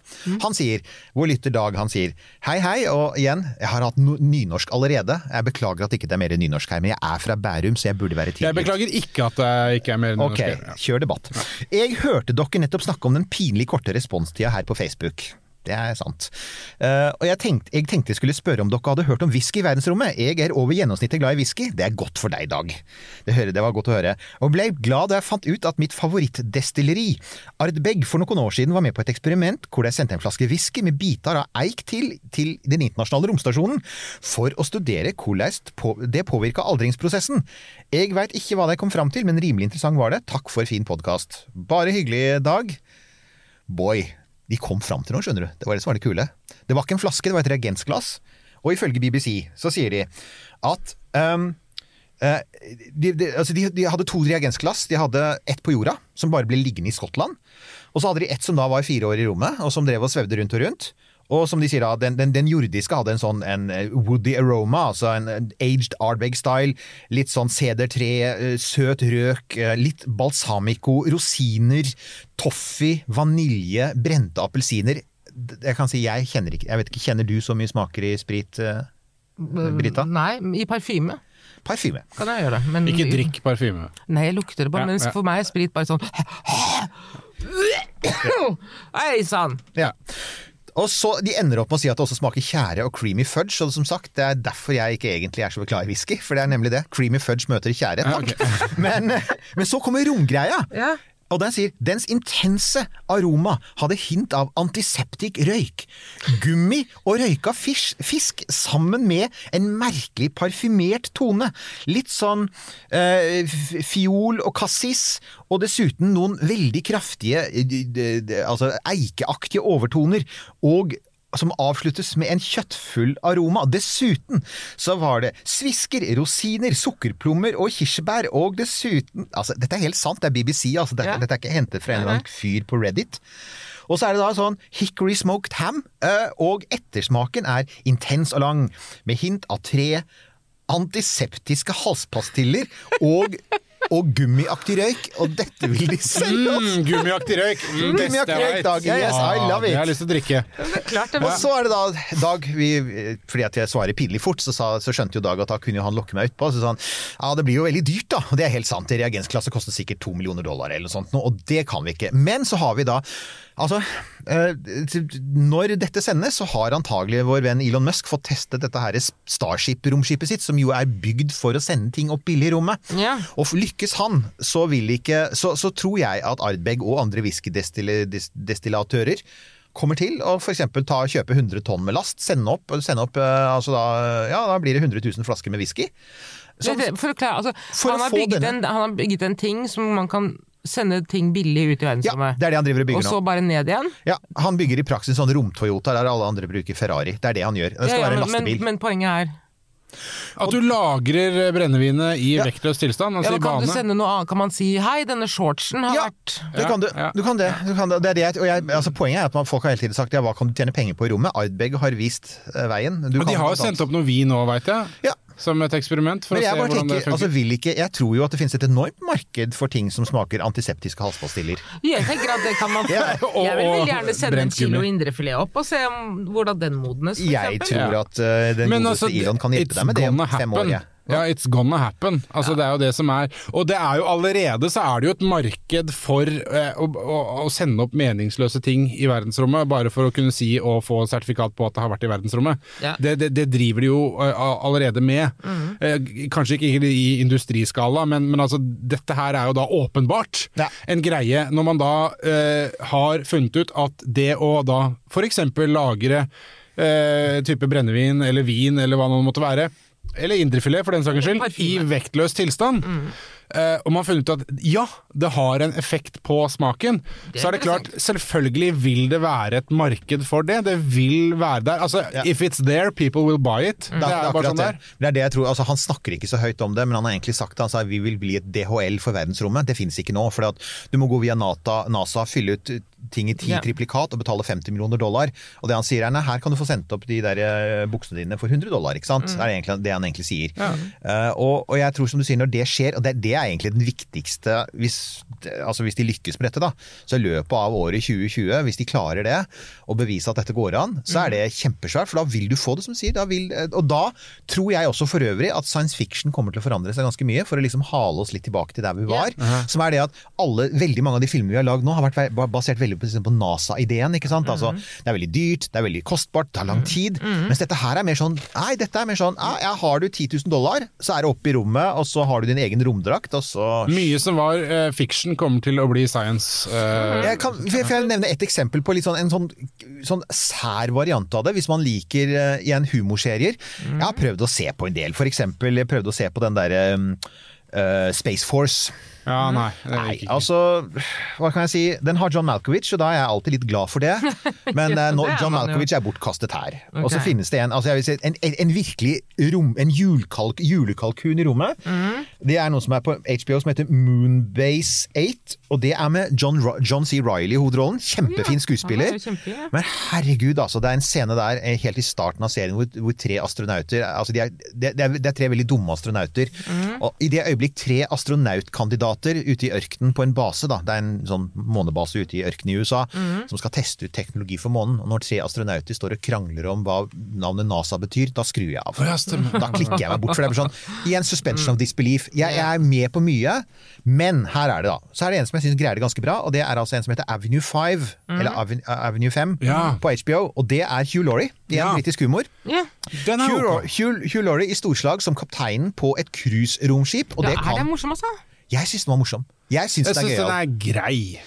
Den okay. Så det er, hvis dere liker Hugh Laurie og litt sånn rar britisk humor kombinert med litt sånn rar amerikansk humor, yeah. så, se, eh, så ta en titt, et svingom innom. Jeg vil si at Av de komiseriene da, Mm. som har vært forsøkt lagd om rom, romfart, så syns jeg i hvert fall den er av de som har lykkes bedre. For at igjen, Space Force uh, og På generelt grunnlag så, så liker jeg ikke humor i den uh, greia der. På generelt grunnlag liker jeg ikke humor. Nei. Nei men, okay, ok, så det er morsomt. jeg ser at jeg er ale- ale- Det er alene her. Men, men altså. Eh, jeg tenkte at jeg helt til slutt sånn ville bare si eh, i hvert fall fire som jeg mener man må se. Som man, sikkert- Dere har sikkert sett det, men som jeg tenker at dette er, det er good, good, good movies. Dette er jo en public service uh, til uh, ju- jule, julekosen. Vi dekker opp det NRK ikke er i stand til. Nemlig. Eh, så bare sånn, og så skal vi komme på et par andre ting etterpå, men bare disse, dette er bare noen film som man tenker man må se. Altså Man må se The Abyss, Ja! Ja! som jo er en spacefilm. Ja!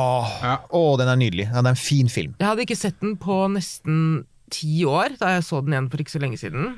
Er det, det er Cameron, er det ikke det? Ja. ok, altså Cameron i den fasen. Aliens, Nei, The Abyss, så- Terminator 2. Cameron er på en roll i den Ja, fasen. Virkelig, altså. Og det er så mye nytenkning Ja, i, i den. Altså, han måtte til og med um, fordi mesteparten av filmen foregår under vann, så måtte man jo ha utstyr som gjorde det mulig å se skuespillerne fra alle vinkler. Eh, og det utstyret som fantes, som han forsøkte å låne av Forsvaret, som han forsøkte å låne andre steder, var ikke mulig å se skuespillerens ansikt. Så han laget det selv. Han designet en dykkerhjelm selv, som gjorde det mulig å kunne se fra alle kanter. Amerikanske forsvaret sa wow, kan vi få den? Ja, sa James Cameron, det koster en dollar. Det må jo minne om at han er jo dykkernerd til de grader, for han har jo vært på Han har jo faktisk vært i Challenger-dypet. Han har jo vært på det største dypet i en For øvrig i en kapsel av et fartøy som ville gitt og så å si alle totalt de ville gjort dem gale av Mm. Klaus. Ja. For at det, det ikke bare er det bitte lite og trangt og kaldt og fuktig og mørkt, men du har sånn 10 000 tonn med trykk, og Ja. du kan bli knust på et blunk. Han er kul. Uh, ja, nei, Abyss. Tommel Ja. til de grader opp. Ja, viktig. Og til og med man kan jo se Special Edition, som jo da varer, gjør at filmen varer i en halvtime ekstra. I tillegg til de åtte timene den i utgangspunktet varer. Jeg har sett den så mange ganger, Abyss, at det er helt latterlig. Er så deilig. Ja, fant- Kjempelenge siden jeg har sett den nå, men den, har, den er helt Ja. Om ikke den finnes på noen av de strømmetjenestene, så igjen, den, den er der ute, for den er stor, Ja, ja. så den er lett den er å leie. Ja. Eh, Contact.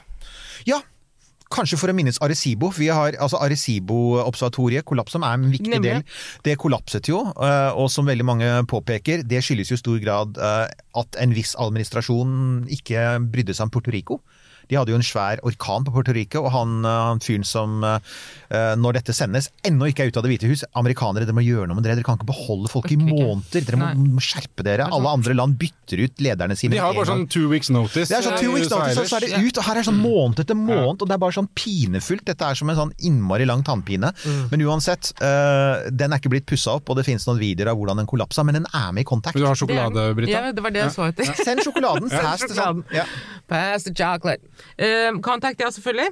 Og så en liten serie som kanskje ble litt oversett da den kom. Uh, Sense8 eh, eh, sesong 1 og 2, som er laget av Wachowski-brødrene, eller det som var Wachowski-brødrene, men som nå er en Wachowski-bror og en søster. Ok. Eh, en av dem byttet kjønn. Og, det er da åtte personer Åtte personer i hele verden! Hele verden, Hvor mange er vi? Åtte milliarder? Cirka, Syv. ja. Men åtte av dem blir telepatisk forbundet.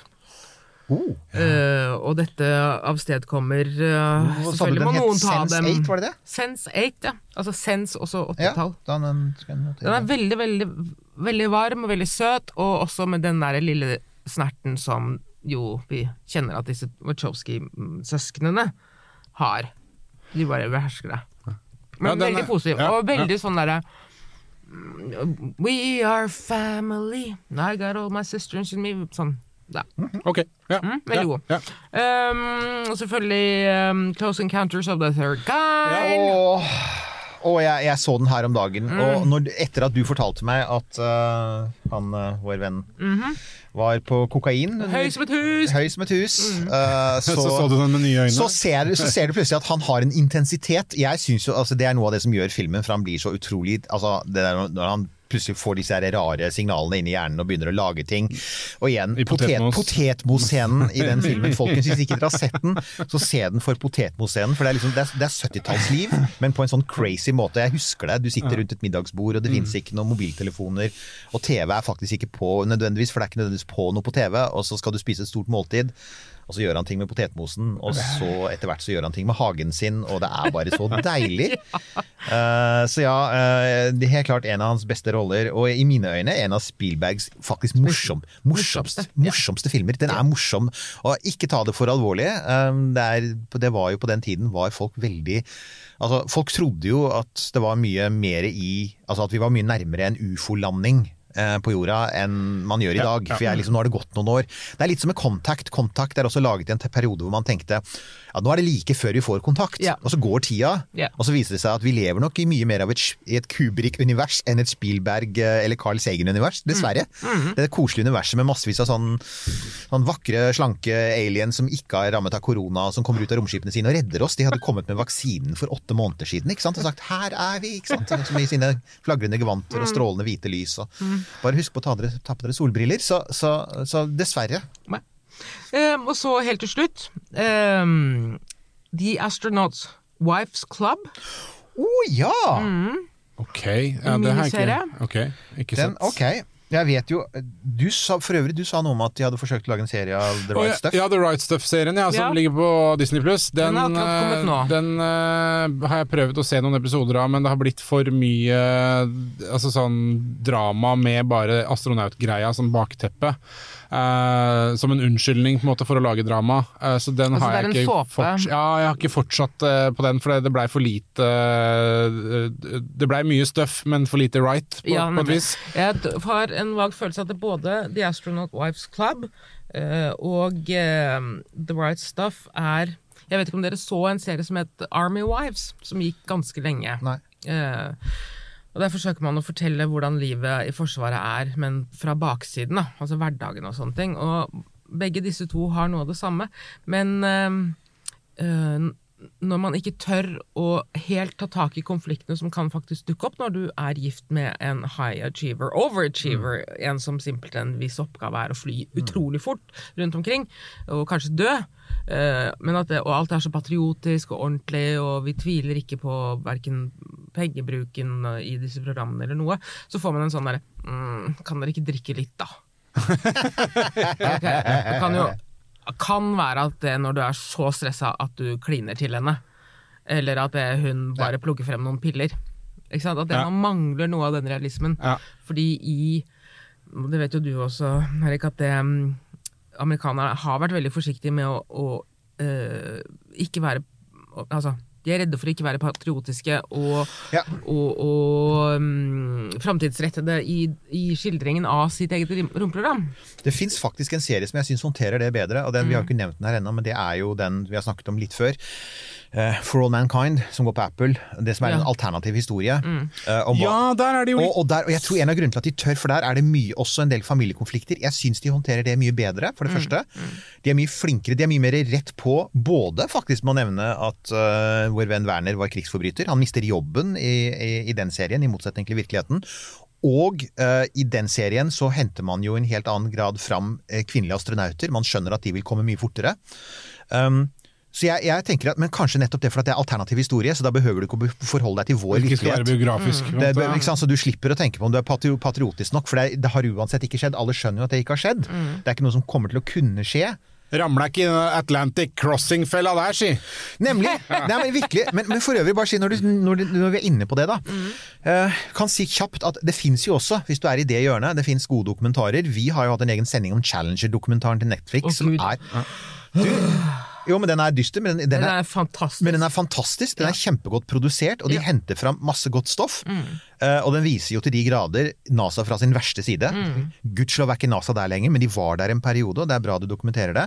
På Netflix så har du også den fantastiske filmen som heter Apollo 11. Det er den som er full av massevis av sånne De fant masse HD-film, altså Mm. høykvalitet 70, jeg tror 35 millimeter i hvert fall.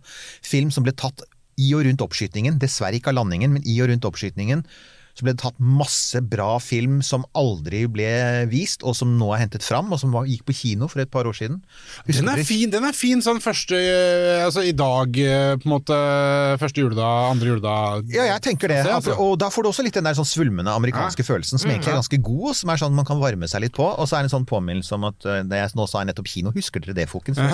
Ja. Så, og så er det en som heter Mission Control.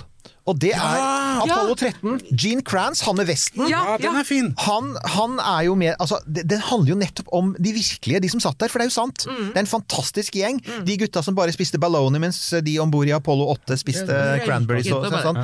Ja, satt og røyket, og alle sammen sitter Altså, han var jo den mest elegante med vesten sin.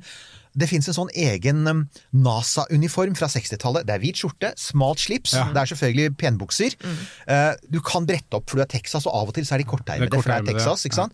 Men det er veldig streit sånn, og altså sånn, sånn pent klippet hår og Ja. hornbriller, hvis du Ja. har briller. Eh, og den, men den gjengen har de da hyllet. Og så helt til slutt må vi bare si Mercury 13. Har du sett den? Den har jeg ikke sett. Nei. Mercury 13 er altså et forsøk da, da, altså det, er, det er fra samme periode som The Right Stuff, mens de holdt på med The Right Stuff. Og de prøvde å finne de liksom Mercury 7, de første sju amerikanske astronautene. Så foregikk det et parallelt prosjekt med å si men unnskyld, det fins jo en halv verden her som dere ikke har tenkt på. Og det var altså en, en lege som fant ut at han ville begynne å teste uh, kvinner på samme måte som uh, NASA testet menn. Og, og fant ut at oi, ja, men de var jo minst like gode som menn til å tåle diverse ting. Blant annet fordi at de med, mange av dem presser noe på størrelse med en melon ut av kroppen sin. Så de, de har ganske mye muskelstyrke og smertetoleranse og utholdenhet. Så han fant jo ut at de ofte scora høyere enn mannlige astronauter. Og det, det, det er altså om 13 kvinner som ville bli astronauter, men som dessverre aldri blir det. En av dem er Jerry Cobb. Hun døde faktisk i fjor. Eh, fantastisk dame. Hun var sånn eh, testpilot og eventyrer. Altså Hun var sånn, nærmest sånn Indiana Jones, eh, kvinnelig Indiana Jones. Det hadde vært jorda rundt. Og hun var en av pådriverne for Mercury 13. Kom dessverre aldri opp i rommet, bortsett fra at hun altså faktisk gjør det i i For All Mankind. Det er en sånn liten hyllest til henne i den. Så hun er, hun er egentlig skildret der som en av personene. Okay, så kult. Så, så er veldig kult. Men Mercury 13, verdt å se, og en sånn påminnelse om eh, Hvis dere trenger litt fakta. Kan jeg Ja, kom eh, få lov til Nå er- å komme? For at det, eh, det er jo et eller annet Jeg er jo opptatt av en sånn stemning. Vi har, og for sånn romjula så er det den der sløye, lange, late stemninga.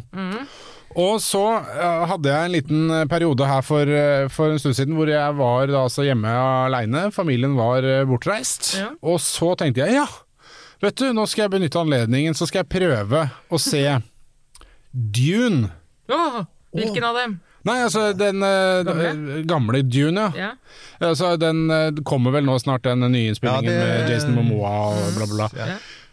Men herregud, altså for en kjedelig film. Ja. Oh my god! Ja.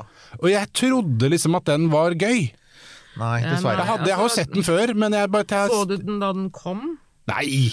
Jeg Nei, gikk på kino og så den da den Ja, kom. jeg gjorde også det. Og da var det jo Altså, jeg skjønte ingenting, men jeg var veldig overveldet. Ja, Ja, ja. det kan jeg Altså, Sting var med, blant annet. Jeg var jo kjempefan Ja av The Police. Jeg tenkte bare sånn, Og ok. fordi at det vi var, vi som da vokste opp på 70-tallet, var visuelt svært understimulerte. Ja, nemlig. Så ville jo enhver film, selv om den ikke ga mening på den størrelsen og med alt dette, var det sånn Wow!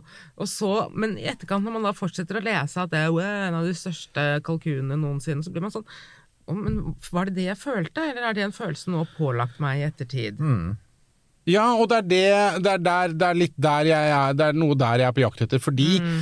Den er Den ville jo vært sånn egentlig veldig sånn perfekt i den derre sløyheten. Men Ja. oh my god Og jeg setter veldig pris på mye av det visuelle der, er jo helt strålende. Absolutt. I aller høyeste grad. Det er Ja. utrolig mye kul scenografi eh, i den filmen. Nemlig. Men altså, den er jo så forbanna treig, den filmen. Vet du som er? Vet du hva som kan være litt sløyt? Hvis far har stått opp litt tidlig og resten av familien sover. Og så ligger far og klør seg litt på magen på sofaen og lurer hm, Skal jeg se, ja? Barbarella. Jeg har aldri sett den. Er Ikke jeg den heller. Den er ganske skrullete. Ja. Den er Men det ganske rar er og en del av de. Men du, Men den er, den er, det er 60-tallet i Jane. Jane Fonda som ja. Barbarella. Mm. Um, men vet du, jeg syns man vi blir i godt humør av den selv om den er tullete. Altså. Okay. ja, ja. Jo jo, tullete er gøy. og mens vi nevner tullete, så fins jo Altså, vi må nevne fremdeles, hvis ikke du har sett den ennå, vi nevnte den i fjor òg, Jeg veit hva du kommer til å si Christmas nå. Holiday Special, Star Wars Christmas Holiday Special. Du, du, jeg vet ikke om du Altså, George Lucas, Ja. han, han fant jo ut at han, han var jo, altså i tillegg til at han skapte den første Star Wars-filmen, så var jo han en mester på dette her med å lage spin-offs og tjene penger. Han var blant annet innmari tidlig ute med merchandising. Altså, Han var en av de første som skjønte at her, mesteparten av pengene kommer ikke til å komme fra kinoene, Nei. det kommer til å komme fra. T-skjorter og dukker og plakater. Ja. Uh, Så han skaffet seg jo merchandising-rettigheter på et tidspunkt da de fleste regissører var bare sånn What? Og så fant han ut at han skulle lage en spin-off til TV, og det var altså da The, The Star Wars eh, Christmas Holiday Special. Og den, vi skal legge ut den lenketiden. Vi la den, den lenketiden i fjor, òg. Mm. Uh, den ligger på YouTube. Og den ligger der rett og slett fordi at det er ingen lovlige kanaler som har den, fordi Spielberg har gjort alt han kunne for å liksom stampe den ut. Lucas. Ja, Lukas, unnskyld. Hvordan, Spielberg er noe helt annet. Mm. Uh, men i hvert fall, Lukas har gjort det han kunne for å, for å liksom sånn Fordi den er, den er så horribelt dårlig. Ja. At den virkelig er morsom. Og det er ja, blant annet denne fantastiske scenen du nevnte, Barbarella. Mm. Hvor uh, dette er Wookie-familiene som skal feire Life Day. Da, for- du nevnte kokain. Alle, altså, på det, vi har en scene hvor, hvor um, Carrie Fisher synger Life Day-sangen. Og hun er jo faktisk en god sanger, for hun er jo barn av sangere, blant Ja, annet. Uh, så hun synger godt, men, men som hun sa selv, hun husker jo ikke hva hun sang, for hun var så langt hinsides. Ja. Du ser Harrison Ford, ikke minst, ha det derre Han har hatt det blikket noen ganger, men der er det sterkere enn noensinne, som er liksom sånn Jeg angrer på mitt livsvalg, kan noen drepe meg nå? og, så, og så har du Wookie-familien som går og venter på at disse tre heltene skal komme tilbake for å feire Life Day. Og det, det, er, det, er, for å si det sånn, det er en grunn til at ikke du har sett så mye mer av Wookiene i Star Wars-filmene, for det, det er lummert. Det er lummert, og særlig den scenen der Wookie-bestefar får på seg en virtuell virkelighet-hjelm og ser porno, som han faktisk gjør. Og det, dette er ikke tull. Og det smilet hans og siklingen hans han, han, Og han sitter midt i stua med, med et Wookie-barn løpende og med Wookie-mor som står og lager en eller annen form for Wookie-kalkun. Og det er så bra og så dårlig. Men vet du, hvis du ligger der på sofaen og klør deg på magen og lurer på ting og ja, Barbarella eller Holiday Special, begge deler kan gi deg den samme røde fjeset hvis noen, hvis noen bøster deg i det. Og jeg tror at eh, det nå er på tide å runde av. sige mot kjøleskapet for å finne noe eh, Men- restemat fra i går. Straks på en bitte liten ting. De prøvde jo, du sa det vel, Lego. Hva, hva, Ja, den, Skal vi si det? Altså for at Disney har Disney eier jo nå Star Wars. Og Disney, vi vet hva, når Disney kommer inn, før eller senere så løper det mus rundt i Star Wars-universet. Og, og,